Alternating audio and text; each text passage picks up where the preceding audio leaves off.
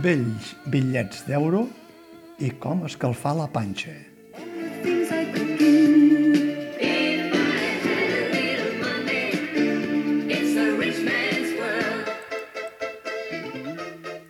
Com aquell qui no vol la cosa fa 20 anys que l'euro circula.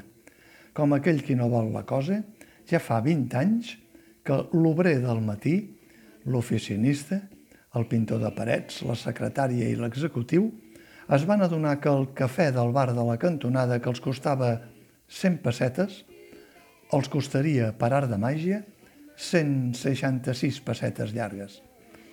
Com aquell qui no vol la cosa, hi ha qui inevitablement encara fa el salt a l'euro i quan ha de pagar qualsevol despesa imprevista fa un càlcul mental convertit en pessetes per adonar-se el valor que tenia la pesseta i el poc valor que té l'euro.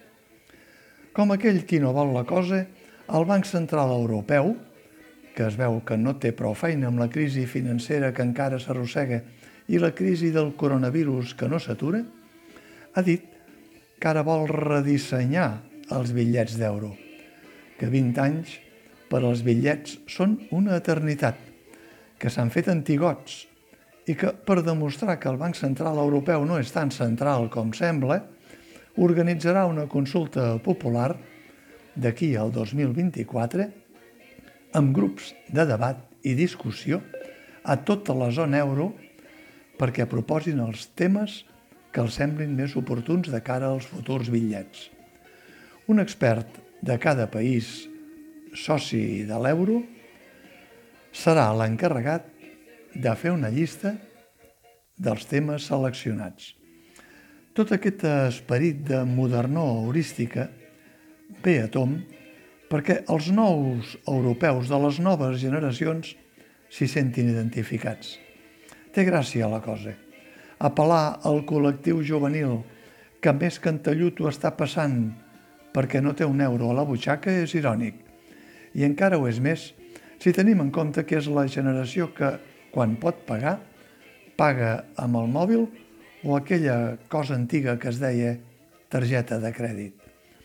El cas és que en el 20è aniversari de l'euro, el redisseny li ha arribat, si plau per força, tancant un any horribilis, que ha fet pujar la inflació gairebé el 7% per culpa del cost de l'energia que ens il·lumina. Anant com anem de cara a substituir bitllets i monedes pel diner digital, aquell que ningú no veurà perquè no es mourà del núvol, el consol és que si l'energia elèctrica no es pot pagar, sempre podem tornar a la llar de foc i, posats a fer neteja, fer servir els vells bitllets d'euro de paper per escalfar la panxa. Llàstima que l'anunciat nou redisseny de l'euro potser no arribarà temps d'oferir-nos el bo i millor dels seus sempre sorprenents dissenyadors. All the things I could do.